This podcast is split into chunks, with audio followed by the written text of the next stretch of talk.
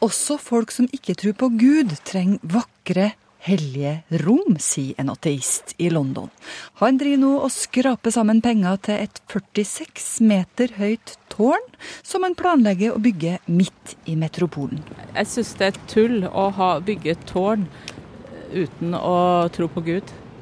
Hva, hva er vitsen med det, da? Altså Margrethe Nåvik heter jeg. Dette er et av dagens tema i Mellom himmel og jord. Kan et rom være hellig uten Gud? Vi er samlet her i dag for å prise eh, eh, ingenting. Er det greit, syns du, at bussjåfører har turban på hodet? Eller at programledere i NRK Fjernsynet har hijab, sjal? Det her har vi jo hatt flere diskusjoner rundt her i landet, og i det siste så har de kjørt en eh, tilsvarende debatt i Storbritannia. For det hender iblant at en kristen hevder sin rett til å holde hviledagen hellig, altså fri på søndager. I am at the tribunal today. My name is Celestina Mba. I am here today because I chose not to work Sunday. Det her er Celestina Emba. Hun står på et fortau i London utenfor et rettslokale. For tre år siden så sa Celestina til sjefen sin det er viktig for meg som kristen å holde hviledagen hellig. Jeg kan ikke jobbe på søndager. Tja, tenkte arbeidsgiveren hennes. Det må vel gå? Og Celestina fikk fri fra barnehjemmet hun jobba på i London på søndager. Men så var det det her med turnus, da. Barna må ha tilsyn, også på søndager. Og hvis man ikke føyer seg inn i turnusen, ja, da blir det flere jobbsøndager på de andre, da. Så etter ei tid sa sjefen, Celestina, du er nødt til å velge. Jobbe på søndager, eller finn en annen jobb. Men Celestina gikk på med krum hals og prøvde saken for arbeidsretten. Nå står altså Celestina utenfor uh, rettslokalet og har tapt saken. Even though I have lost the case, I am not ashamed of the gospel of Jesus Christ, because it is the gospel that sets us all free. En muslim som jobba sammen med meg, fikk fri på fredager for å være med på fredagsbønn. Så hva er forskjellen, spør Celestina, og får støtte av baroness Warsi, som er muslim i det konservative partiet i Storbritannia. My theory is that we are so afraid, and rightly so, of going backwards in history to the bad days when religion was imposed on people by despotic regimes, that we have got to the stage where aggressive secularism is being imposed by stealth. Folk i Europa må bli mer trygge og komfortable med sin kristendom, sier Worsey. Sånn som det er nå, så blir sekularismen mer og mer militant. Og sant nok, Storbritannia har sine beinharde ateister. Men alle er selvfølgelig ikke del av denne militante sekularismen som Worsey snakker om. London har også en ateist som langt på vei er enig med Worsey, Alain de Botten. Han vil gi ateismen et nytt uttrykk, og planlegger å bygge et 46 meter høyt tårn midt i London, som et slags motmiddel til denne ekstreme ateismen som noen forfekter. Er ikke ateister i sin fulle rett til å nyte vakker arkitektur, sånn som kristne og muslimer og buddhister eh, gjør? Sier filosofen til den britiske avisa The Guardian. Jeg tror at alle mennesker trenger et sted å løfte blikket mot, løfte perspektivet. Men så sier noen Det holder ikke med vakker arkitektur, det må være noe mer. Det må jo være en, eh, altså det må jo være en følelse av tilhørighet, i det minste. Altså et eller annet som gjør at du føler deg velkommen. Men Elaine de Botton har faktisk allerede samla inn halvparten av pengene han trenger til det her 46 meter høye tempelet. Ja, Dorsiga, du fikk lyst til å bedrive litt uhøytidelig forskning rundt hva mannen i gata mener om det her med hellige rom. Du tok sjumilsstøvlene på og strena til byen. Ja, nå skal jeg ha meg frabedt uh, sjumilsstøvler. Her går det faktisk i kule skinnstøvletter. Såpass burde jeg vel ha skjønt, ja. Men uh, altså, du har planer om å snakke med folk flest, forstår jeg det rett? Um, ja, jeg ble så nysgjerrig når jeg hørte om dette tårnet. For uh, jeg tror nesten hver gang jeg har vært i et hellig rom, så har det som regel vært en guddom der. Spørsmålet Yadoshi Garaya stiller til folk på gata er kan et rom bli hellig uten Gud? Hva syns du om et ateisttårn? Jeg syns det er tull å ha bygge et tårn uten å tro på Gud. Hvorfor det? Ja, hva, hva er vitsen med det, da? Altså eh, Ja. Uh, jeg tror på Gud, og jeg tror det er derfor de har bygd tårn. For å, å, å minne oss om at uh, Gud er der, på en måte. At det er de høye tårnene er for at vi tror at det finnes en Gud usynlig. Hei, unnskyld. Jeg kom fra NRK Ja. Jeg skulle bare si at jeg kom fra NRK P1 om jeg skulle stilt deg noen spørsmål. Men tror du det går an å skape et hellig rom uten en gud? Etter sånn min innstilling Gud er jo ingen som vet hva Gud er, men man har jo tingene i seg sjøl, da. Så man må på en måte begynne med, med seg selv. Og gjøre så godt som man kan og bruke de mulighetene man har i seg. Og trenger man iblant å gå for seg sjøl og søke kontakt med andre ting, så syns jeg det er like effektivt som å gå i en kirke. Men jeg, tror Det er jo ingen som tror lenger på en gud som en mann som sitter der. Men, men jeg tror jo på at alle er en del av et, en større ting. At vi har alle mulighetene i oss sjøl, da. Og at det er en større makt. Det tror jeg nok. Men hva tenker du, altså, hva, hva vil det si at noe er hellig? At noe er hellig? Noe som er vel verdt å ta vare på.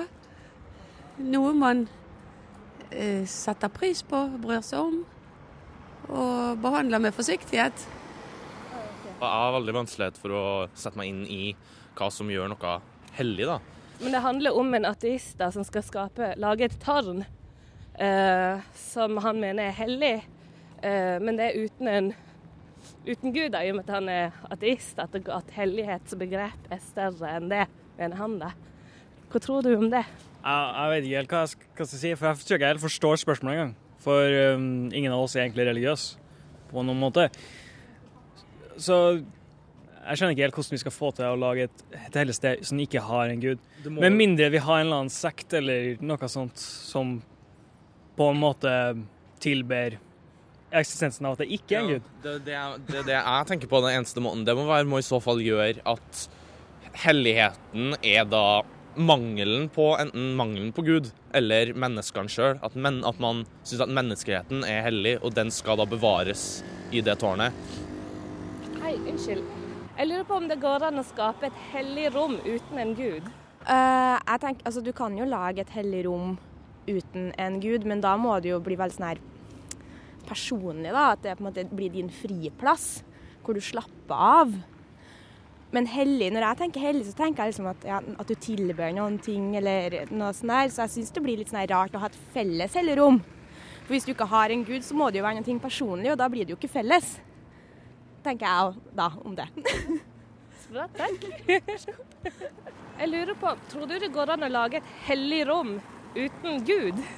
Nei, du, det blir for komplisert for meg, ja. Det er altfor gammelt, det der. Men hva vil det si at noe er hellig? Hva betyr hellighet? Jo, jeg vil vel si at hellighet går på det at det er styrt kanskje av en øvre kraft.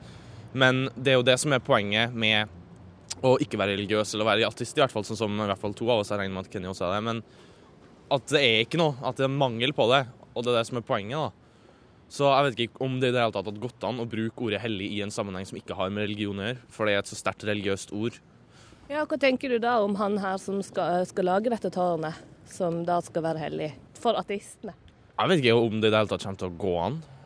Uh, jeg vet ikke, Han må jo ha en plan bak det. Hvis, det skal være noe for ateister på en måte, det, det gir ikke noe mer mening. for at Jeg har snakka med mange, veldig mange ateister sjøl. Uh, eh, jeg regner meg ikke helt sjøl som ateist. Eller på en måte agnostisk ateist er egentlig Men det skal vi komme inn til akkurat nå. Men mesteparten av ateister er til og med eh, hva skal vi si, De er ikke helt enige om at vi engang skal ha et symbol for det faktum at vi ikke tror på noe. Så jeg tviler på å ha et sted hvor vi møtes eller noe sånt i en, nesten som i en samme på likedan som en menighet. Jeg tviler på at det er egentlig noen som vil ha det. Spesielt når det gjelder ateisme. For det er litt dumt å si ja, vi skal samles her i dag for å snakke om at det er ingenting som lager oss. Det, det er basert på Og i dag skal vi lese fra kapittel én i vitenskapsboka. Sånne ting. Det, det, gir, det gir bare ikke noe mening for meg. Og da, i så fall, hvis de går så radikalt til å gjøre det til et sånt sted, så kommer jo da problemet til å bli til at etter hvert så utvikles det til å nesten som bli som en religion. Og da er jo, det blitt, da er jo ateisme blitt det det ikke vil være. Det sier mannen i gata i Trondheim. Det handler altså om en britisk filosof nå som har lyst til å bygge et høyt og ruvende ateisttårn sentralt i London. Så får vi se da hvilken betydning et sånt bygg får. Elaine de Botten planlegger å starte bygginga neste år, altså i 2013. Mellom himmel og jord. Søndager klokka ti. Det kunne en stund se ut til at hiv-viruset her i landet var under kontroll. Denne uka fikk vi høre at nå er det en økning i antall smittede. Spesielt blant menn som har sex med menn. Hvordan er det å leve med dette viruset? En ferietur til Hellas med øyhopping fikk mer alvorlige følger enn det Jarle Steen Langbakk hadde sett for seg for drøyt 20 år siden. En ung og veltrent Jarle ble nemlig i 1991 forelska i en like ung og veltrent jente fra Australia. Dette heftige møtet var starten på et liv med hiv-diagnose for Jarle, som valgte å være åpen fra første stund. Hvordan hun så ut? Hun var, eh, så veldig norsk ut. Hun var eh, australier. Langt, lyst hår og og vi bare kom i prat på den båtturen, på den ferjeturen over til den øya. En øyhopping i Hellas. Og så så vi ikke noe mer til hverandre. Og så gikk det et par dager, og jeg holdt på å dykke. Tok dykkesertifikat. Da var jeg ute en kveld og bare gikk i gatene der. Og traff tilfeldigvis de to jentene på nytt igjen. Og da satte vi oss ned og pratet og drakk noe vin og spiste noe god mat og sånn. Jarle var 27 år gammel, og det var i 1991. Han var ung, sterk, frisk og med hele livet foran seg. Han ble forelska i denne australske jenta med blondt hår.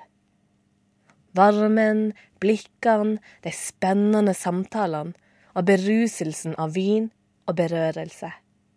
Så hadde vi sex på helt vanlig, normal måte. og tenkte ikke så veldig mye mer på det den gangen, at det var noe hiv som var inne i bildet. fordi at det, eh, var ikke så veldig mye opplysning rundt det, for det første. Og for det andre så var det på en måte en gruppe som ikke tilhørte oss. For det, da hørte man jo bare om at det var homser, og at det var eh, narkomane som ble smitta. Man tenkte ikke på at man var i den situasjonen at man kunne, kunne få det da, i og med at det var en gruppe som man ikke tilhørte. Ja, hvordan forholder man seg til en sånn type informasjon som en 27-åring? Jeg er 27 år. Jeg skulle, jeg skulle uh, få barn. Jeg ville jo gifte meg, stifte familie, etablere meg som alle andre. Og det var jo den, den som Drømmen der i gåseøynene ble jo på en måte revet litt bort ifra meg. Å fortelle et menneske at du er hiv-positiv, eh, for så å kanskje bli avvist, det krever en god porsjon mot. For at eh, det er sånn at du, du Mennesker avviser deg. De, eh, de gjør det. Ja, har du opplevd å bli avvist? Ja. Jeg har opplevd det. Kan du fortelle om det? Det er sånne situasjoner eh, som er ganske vanlige. Det er det at liksom, Hvis du er ute på byen da, eller på en pub eller et eller annet, og så er det kanskje noen som kommer bort og begynner å flørte og vil gjerne danse eller eh, slå av en prat, liksom. Så er alt veldig bra hele tiden. Og jeg eh, merker jo kanskje på vedkommende at de er interessert i noe mer enn bare å snakke, så jeg sier nå ifra da at eh, skal du bli mer kjent med meg, så er det viktig at du allerede nå får vite om en ting, og så forteller jeg kanskje det at jeg er hiv-positiv. Og da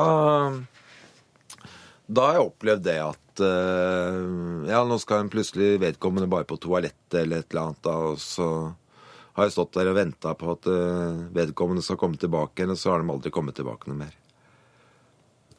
Men forstår du hvorfor du blir avvist? Altså, Nei, jeg forstår ikke, forstår ikke hvorfor jeg blir avvist sånn i første omgang, fordi at uh, det er uh, frykt, og det er mye, mye redsel. den redselen og frykten har blitt en del av livet til Jarle, og han konfronteres med den på flere arenaer.